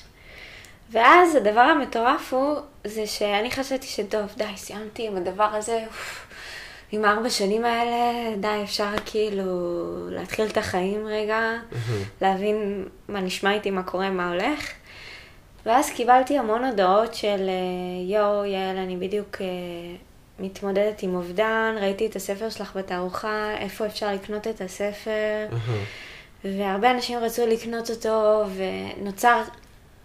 ונוצרה איזושהי הילה ממש חזקה סביב הספר, והמון עניין. ואמרתי, טוב, אני כבר לא במקום הקטן המסתתר הזה של, של היצירה שהיא רק שלי, אלא אני צריכה לחלוק את התובנות שקיבלתי מהיקום ומהעולם על מוות דרך החיים. וואו. עכשיו, אני לא מתיימרת להיות איזה דלי למה, כן? חשוב לי שנייה להגיד את זה. אבל uh, יש לך פשוט מסלול חיים שלא, שלא, שאין להרבה אנשים. זה, חושב שזה משהו שהוא... יש לך את הזכות להיות הדלי למה בתחום, בדבר הנורא ספציפי הזה, הדלי למה של, של הסיפור חיים שלך. כן, בדגש על הסיפור שלי, כי כשאני אה, רוצה להעביר את הסוד שלי הלאה, אז זה לא, אני לא מוכרת איזושהי אה, משהו שמשנה את החיים, ווואו, כאילו מי שיקרא את זה, יהיה מיליונר, או שיהיה מאושר, או ש... איזה קורס בסוף? אין איזה קורס, אין, כאילו, אני באתי וסיפרתי את הסיפור שלי, וזהו. זה הכי חזק, את יודעת? אני אומר את זה בתור בן אדם שכן מתעניין במכירה ומה שמתלווה לזה. מה שלפעמים יש דברים שאם אתה באמת, כאילו, הנה, כמו הדוגמה שלך, statement כזה של, עזבו אותי, לא רוצה למכור, לא רוצה לעשות מזה שום רווח. ואנשים באים, מתחילים להתעניין ולהסתקרן, זה קצת עובד הפוך על הפוך באיזושהי כן, צורה. ממש. קצת הפוך מכל החוקי אה, משיכה, שכולם אה, מטיפים עליהם. מיליון דולר, מיליון דולר, מיליון דולר. כמה שאני לא מתאמצת זה לא בא, כשמתאמצים יוצא קקי. מותר להגיד קקי בפודקאסט. כן, מותר, כן, רגע אנשים שדיברנו עליהם, קקי זה... משחק ילדים. כן. אז אה, דווקא מהמקום הזה של לשחרר, פתאום נוצרו לי נוצרו לי הזדמנויות ודברים מדהימים וקשרים אמיתיים ווואו, מלא ברכה ואור סביב הספר הזה. ואחד הפרויקטים הכי מרגשים שיצאו בסיפור הזה, כן. זה שאני עובדת עם uh, מקעקעת. בשם uh, מאיה מור. Uh, תייגו, פרסמו, לייק, שר, כל מה שצריך. כן. שהיא חיפאית? שהיא חיפאית והיא מקעקעת בחסד. והחלטנו שהמקום הזה שאני מוסרת uh, לידיה המבורכות את העיצובים שלי, ואנחנו החלטנו שבתמורה הסכום שאני אמורה כביכול להרוויח מהקעקוע, אז אנחנו תורמות ביחד עם הלקוח לאגודה למלחמה בסרטן. וואו, זה... אז, אז רגע, בעצם הכמות, הקעקועים האלה, זה, יש לזה כמות מוגבלת של קעקועים שיצרת, שהיא מקעקעת אותם על כל מיני אנשים שבוחרים להתקעקע? כן, אז בשבילי החוויה של קעקוע היא חד פעמית. כלומר, כל עיצוב נעשה פעם אחת. אני יודעת שבאופן אישי אני אתבאס לראות קעקוע שלי על מישהו אחר. כן. זה כזה, היי. אז uh, אני באמת הראשונה שהתחילה בתנועה הזאת, זה עיצוב מתוך הספר. אה, וזה גם, יש על זה ליד, ליד זה את הפרק ואת המספר? רק אצלי, רק 아, אה, אצלי, הבנתי. בשביל להזכיר לעצמי מאיפה באמת... מה אנחנו רואים פה בעצם? זה שרשרת של לב. שקיימת גם במציאות. שקיימת גם במציאות. אמנם הלב הזה לא נפתח, אבל הלב שלי פתוח. וזה פרק 24, ואפשר אה, לראות פה, את הציור הזה? טק, טק, טק, הופה. בוא נראה. נכון. תראה שאני לא עובדת, אה, חבר'ה, זה אמיתי. זה אמיתי, זה עובד. למאזינים של הפודקאסט אה, בספוטיפיי, אה, זה תואם. אכן תואם הציור את הקעקוע. כן. אוקיי. ואז אנשים התחילו להתקעקע, ובהתחלה זה כזה חברים, והכל טוב, מגניב, יש את המקום הזה, אבל אז גם אנשים שאני לא מכירה התחילו להשתתף בפרויקט הזה, וגם העיצוב שלי שנוצר מתוך uh, כאב, פתאום מקבל משמעות אופטימית ושמחה. למרות שהם לא בהכרח מכירים את הסיפור שעומד מאחורי זה, הם העניקו לו משמעות שהיא שמחה ואיזה סיפור שנותן להם השראה. השראה. וזה היה ממש מרגש. ממש. וואו. ה- ה- בכללי, כאילו, אני חושב שהגישה שלך היא מין שזה פשוט איזשהו שיעור בחיים. וזה לא, זה גם ממש לא מובן מאליו. שאת לא, לוקחת את זה ו, ומייעלת את זה למשהו חיובי וטוב ו, וממשיכה, יש פה המשכיות כזאת. זה ראוי להערכה ובאמת מעורר השראה, זה לא מובן מאליו. תודה. החיים באמת חזקים וממשיכים, ויש לי חלום להמשיך אה, ליצור ולספר את הסיפור שלי, ואפילו אם זה יעזור לבן אדם אחד וייתן לו איזה שבריר של תקווה או הזדמנות להסתכל על החיים קצת אחרת, זהו, אני הייתי יעל. ביי, peace out. זה המקום שלי לתת את זה. ואז באמת החלטתי שאני צריכה להוציא את הספר לאור. ו... איך אנחנו בזמנים? אנחנו טובים? זמנים טובים, כן, יש. עושה לנו פה כזה מחדש. אוקיי. אז אה, אני החלטתי שהספר צריך לצאת לאור, ופניתי לשתי הוצאות לאור, ולשתיהן התקבלתי, והחלטתי ללכת עם הוצאת ספרים צמרת. ו... איך זה היה בשבילך לחשוף ככה את הסיפור בפני הוצאת אה, ספרים, בפני בכלל אנשים? כולם, התגובה שאני הכי מקבלת הרבה, יואו, איזה אומץ, איזה אמיצה את, יואו, איזה חזקה. זה נשמע לי אומץ מטורף. לבוא, לא רק לספר את זה, גם לספר את זה ברמה של אני רוצה לה, לה, להביא את זה לעוד אנשים שהם לאו דווקא מכירים אותי. זו חשיפה מאוד גדולה, מה, איך את מרגישה עם זה? אני מרגישה ביומיום שלי ש... כמו שאני אומרת, מתחת לאור, כזה, זה שקוף, הסיפור מלווה אותי כל הזמן. אה, ואני לא חושבת שצריך אה, להסתיר את זה. אה, האם היו לך רגעים שכן הרגשת שאת צריכה... בהתחלה, להסתיר בהתחלה את זה? ש... אה, לא, לא הסכמתי אולי באיזשהו מקום לקבל את זה, אז הייתי מתחבאת מאחורי זה. נגיד, אה, אחד הפרויקטים המגניבים שהספר הביא לי זה הרצאה שעשיתי לעמותת חמניות, שזו עמותה ליתומים צעירים. ו...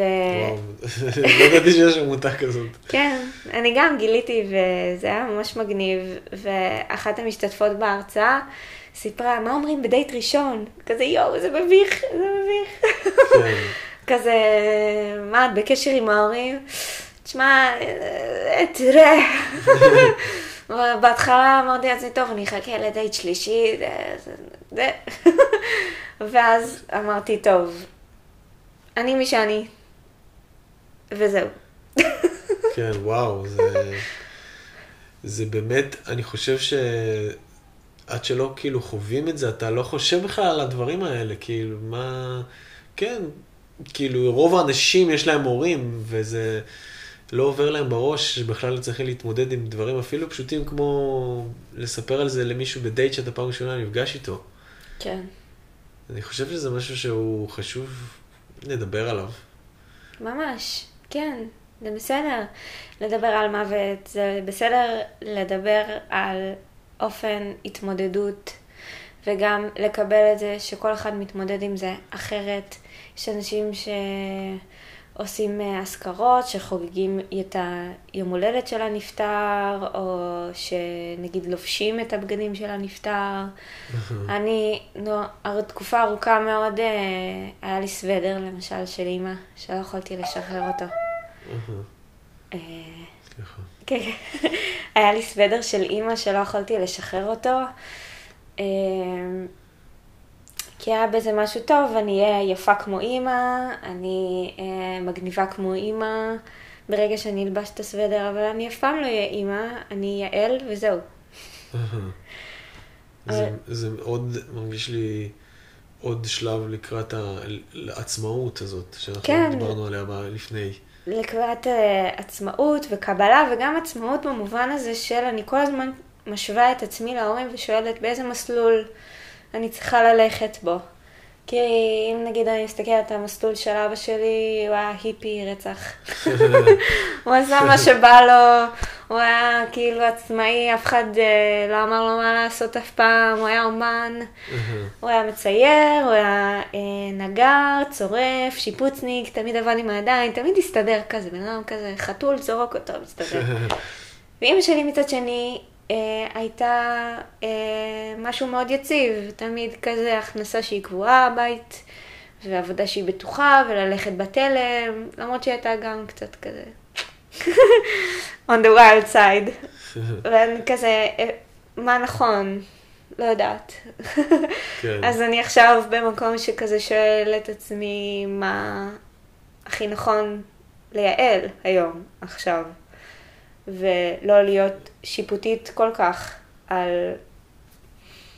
מה, מה נכון או לא נכון. אהה. כי רק אני יכולה בסוף להחליט לעצמי מה נכון או לא נכון. ואת את מרגישה ש... שבאיזושהי צורה זה שכביכול אין לך את מי לשאול, זה מקל עלייך או מקשה עלייך? או... אה, יש, אני מרגישה שלמזלי באמת יש לי יותר מדי מי לשאול. יש לי באמת אה, דודים ובני דודים שאני מתייעצת איתם, וגם אה, משפחה, וגם חברים. כל אחד יודע הכי טוב בשבילי מה אני צריכה לעשות. אבל אף אחד לא בנעליים שלי, אף אחד... אני הולכת לישון לבד וקמה לבד. ואני אה, מנהלת לעצמי את החיים לבד. אה, וגם, יש איזה דיבור סביב הספר הזה, שעכשיו אני מתאבדת עליו. אני ממש מאמינה בו, אני ממש מאמינה בעצמי דרך הספר הזה. ש... שמה זה אומר בעצם?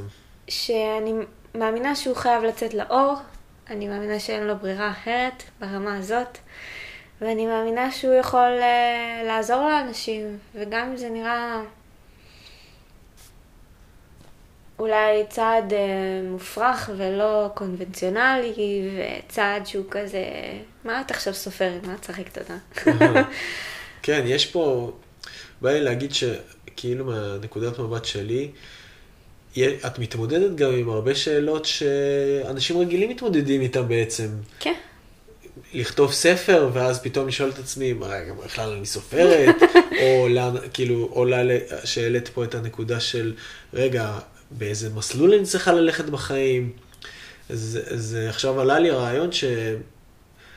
עם, עם, עם כל הצער שבדבר וכל הדבר הזה, בסופו של דבר את בחורה בגיל של עכשיו באמת לשאול את השאלות האלה, וגם יש דברים שקורים לך כמו בחורה רגילה בגיל הזה. מה, כן. מה, מה... ת, תדברי קצת על זה. אז uh, אני מאוד שמחה על uh, תהליך כזה בהערה, שאני באמת נמצאת בנקודה שאני לא יודעת על עצמי כלום. אני חושבת שזה מקום מאוד מבורך להיות בו, ואני אסביר. אז uh, לפני שנייה סיימתי תואר, uh, ואני לא יודעת אם אני אהיה מעצבת או לא, זה לא כזה חד לי וברור. כן מסלול שאני מאוד מאמינה בו חזק זה הספר, כי הבאתי את האמת שלי במקום הכי חשוף ופגיע ופתוח, ושישר מעורר אמפתיה והזדהות, וזה נושא שנוגע בכולנו. אז זאת האמת שלי. ותוך כדי אני כאילו מגלה ואני נותנת לעצמי ללכת במסלולים שלא בהכרח הלכתי בהם, ולחקור עוד צדדים בי, ואני לא... תמיד היה לי כזה תפניות בחיים שמשנים לי את המסלול, משנים לי את המסלול עוד פעם. ומה למדת מזה? שאי אפשר לטוות מסלול? be water, my friend. ממש ככה. שמה זה אומר? שפשוט... מה, מה זה אומר מבחינתך לקראת, לח, על הרעיון של לקבוע תוכניות לעתיד לטווח של כמה שנים, אחרי שחווית חוויות כאלה? שקודם כל, לא משנה מה יהיה, יהיה בסדר. Mm. צריך לזכור את זה. גם, ש... גם שדברים נראים כאוטים רצח, אז באמת הכל מסתדר והגל עובר. לשמוע את זה ממך זה שם פרופורציה אחרת על דברים. כן, אני חושבת שגם גם הסיפור שלי צריך לקחת אותו בפרופורציה. כאילו, תמיד יש יותר גרוע. כאילו, באמת, באמת, בקטע טוב אני אומרת את זה. כזה, מה שקרה לי זה משהו שקורה לכולם, בסופו של דבר יש אנשים שחווים את זה עם... לא בדרך, לא בצורה כזאת, כן, אבל... אה, כן.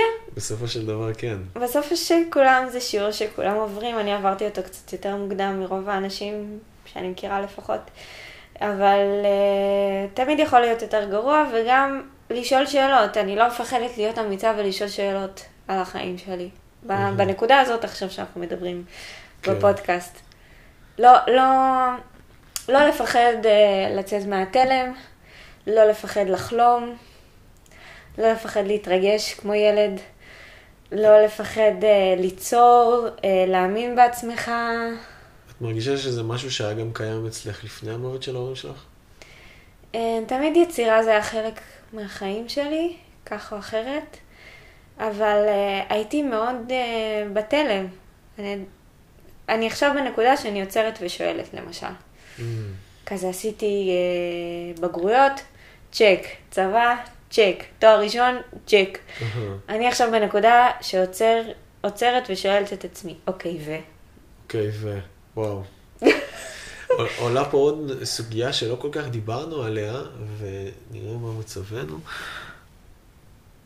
אה, יפה, אנחנו, וואו, אנחנו יחסית אה, עמוק. צללנו. צללנו.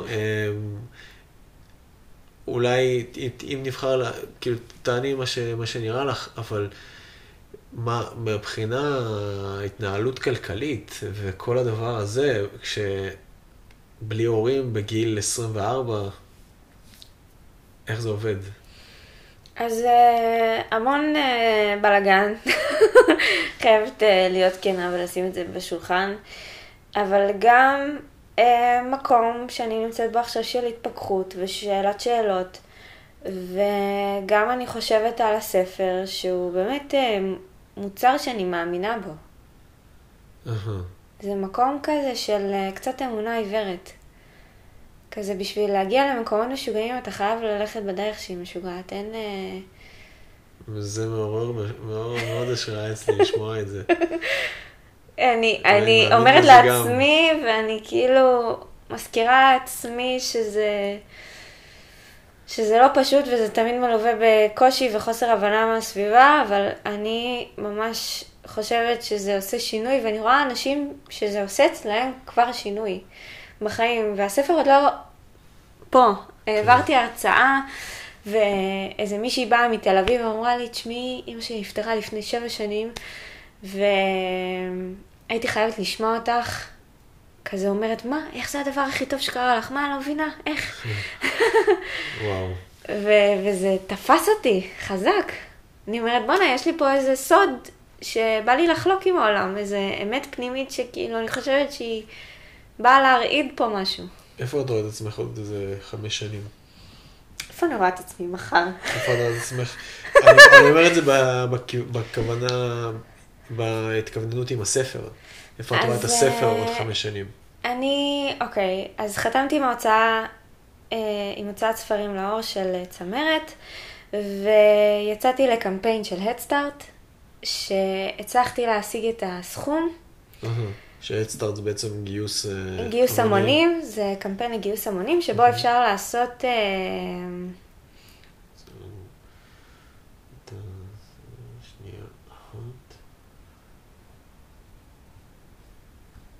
כן. אוקיי, זה בעצם אה, קמפיין לגיוס המונים, שדרכו אפשר לעשות מכירה מוקדמת של הספר. והסעתי את חיי, והצלחתי להשיג חצי מהסכום. ונותרו עוד שמונה ימים להדסטארט. אני אומרת את זה היום, אבל היום הוא כבר נגמר. ובתוך השמונה הימים האלה אני כזה fuck, אני בפאניקה, טירוף, אני כזה, מה? הגעתי עד לפה, הגעתי לחצי, מה? הספר לא יוצא לאור, מה? אין סיכוי. רגע, בעצם, אז, אז אני פשוט לא כל כך מכיר. הדסטארט זה בעצם את מציבה על עצמך איזשהו יעד נכון. של זמן, שבו את צריכה לגייס את זה, ומה קורה אם את לא מגייסת? הכל או כלום. הכסף חוזר לאנשים? וואו. והחלטתי לשים, אה, לשבור איזה חזירון אה, חיסכון ולשים מהסכום שלי, כי אמרתי, אין, אני מאמינה בספר הזה. באמת שאני מאמינה בו. אשכרה. ממש. כזה ברמה של, טוב, יאללה, כל הקופה, מקסימום צחוקים. הוצאתי ספר. כן. אני גם לא מכירה כל כך הרבה אנשים שהוציאו ספרים, אני חייבת לומר. לא, נכון, אני גם לא. אני לא, לא הוצאתי ספר, וזה נראה לי חוויה לא פשוטה, כאילו זו השקעה כלכלית יחסית גדולה, נכון? גדולה, אבל אני, אני חושבת שמתוך כזה תודעה של אה, שפע, של אה, שולחת את לחמי על המים ותחזור עליי פיצה. כן. לא, זה יפה, זו הסתכלות נכונה. אתה צריך, בסופו של דבר, אני רואה בך שיש לך גם הסתכלות אה, עסקית על הדברים. את לא... לא לגמרי בהיפילנד, לא. כן, את כאילו עם, עם הקרקע על הרגליים. זה, זה ספר וזה מוצר, ויש כן, כן. לי איזה אמונה, עבדתי בסטימצקי איזה תקופה, שיפנו לי מקום במדף של הרבה מכר. השארת לך כזה פינה שם? ערימה. ולך תדע, אתה שואל אותי מה יהיה עוד חמש שנים, וואלה, יש לי איזה פנטזיה שהוא אה, יהיה בערימה של רבי מכר. אמן, אמן, מאחל לך. תודה. שיעוף הכי, הכי רחוק שיש. אז uh, לסיום אני אגיד שכרגע uh, אפשר uh, לקנות אותו uh-huh. דרך uh, הפלטפורמה של Headstart. זה אתר, שאם נכנסים לאתר ומקלידים מתחת לאור, אז uh, יש שם uh, חנות uh, דיגיטלית שאפשר לרכוש אותו, ובקרוב uh, הוא יוצא במהדורה קשיחה וגם במהדורה דיגיטלית, וזה קורה, זה ממש קורה. אשכרה. וואו. באמת, מה, ש... מה שאני יכול להגיד עלייך מההיכרות שלנו היום זה פשוט לדעת, לי, לה, כמו שיש את המשפט, להפוך מ... לקבל לימונים ולעשות מזה לימונדה. את לקחת את המשפט הזה, נראה לי הכי חזק שיכול להיות. מעורר השראה, וואו. איזה... קצת, אני קצת מחוזר מילים ברגע הזה, אבל זה מטורף, מטורף. בא לי לשאול שאלה אחרונה, ואולי זו שאלה קצת אה, קשה. האם יש לך רגעים גם עכשיו ש... שבהם את מרגישה שכאילו זה... האם כל הזמן את שמחה ומרגישה שזה טוב, או שיש רגעים שזה גם... לא. לא. ספציפית הבוקר, גם. הייתי במקום של קצת אה, חרדה ותסכול ובכי, ומה אני אעשה עם החיים שלי, ויואו, הכל קשה והכל נופל עליי, ולמה כזה קשה. ואז הזכרתי לעצמי, בואנה זה המקום הכי טוב שאני יכולה להיות בו. כי מתוך הקושי הזה רק דברים טובים ורק צמיחה ורק שגשוג, אין, אין כאילו מקום אחר שמבחינתי שורשים מתחילים מלמטה. שורשים מתחילים מלמטה. זה נכון. טוב, יעל, תודה רבה לך. תודה. היה לי העונג אה, לארח אותך פה. גם לי היה כיף. ותודה רבה לכם שהקשבתם, אנשים. מקווה שזה באיזושהי צורה נגע בכם ונתן לכם פה ערך. אמ, ושיהיה לך המון המון בהצלחה, באמת. כל הכבוד לך, תמשיכי, את, את עושה משהו נכון. ואיך אפשר למצוא אותך? תגידי לנו בשתי מילים. אז uh, אתם יכולים למצוא אותי בבת גלים, נוסעת על הסקייטבורד. תבואו uh, לסשן. אבל... את סקייטרית? בין היתר. וואלה, אני גם נוסע. יאללה בוא. נעשה איזה סשן. אה, וגם uh, באינסטגרם אין לי שם כל כך uh, שיווקי, אבל לא נורא. זה S-H-A, כף תחתון, כף תחתון, Y-A. זה שהה, יא. שיה. ולספר, לא הדגשנו את זה, אבל לספר קוראים מתחת לעור. נכון. מתחת לאור, חברים. לא, שלא נתבלבל. כן. שבשתי מילים קצרות אחרונות, מה זה בעצם מתחת לאור? למה דווקא מתחת לאור? אז uh, מתוך החיבור הזה של הדימויים והקעקועים וההנצחה הזאת שהיא נמצאת uh, מתחת לאור. וגם uh, זה סיפור שהוא תמיד מלווה אותי. תמיד uh, הוא חלק ממני, כמו שאור זה איבר שהוא מלווה אותנו ועוטף אותנו. אז גם הסיפור שלי, גם אם לא רואים אותו במבט ראשון, מתחת לחיוך ולשמחה, אז הוא נמצא שם. אהבתי מאוד. תחת לאור, כמו הקעקועים בעצם. כן.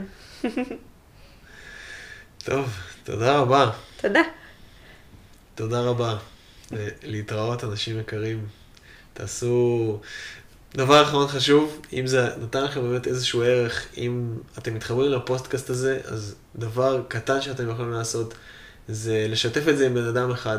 פשוט לספר לו על זה, להגיד לו שאהבתם, ומוזמנים גם לעשות לייק, ומי שעוד לא עשה subscribe, אז מיד לעשות subscribe. מיד. ולתת אה, בפעמון שיקפוץ לכם ככה עוד פודקאסטים נוספים. אני הייתי איתן, היה לי את הכבוד לארח את יעל, ותודה רבה אנשים יקרים.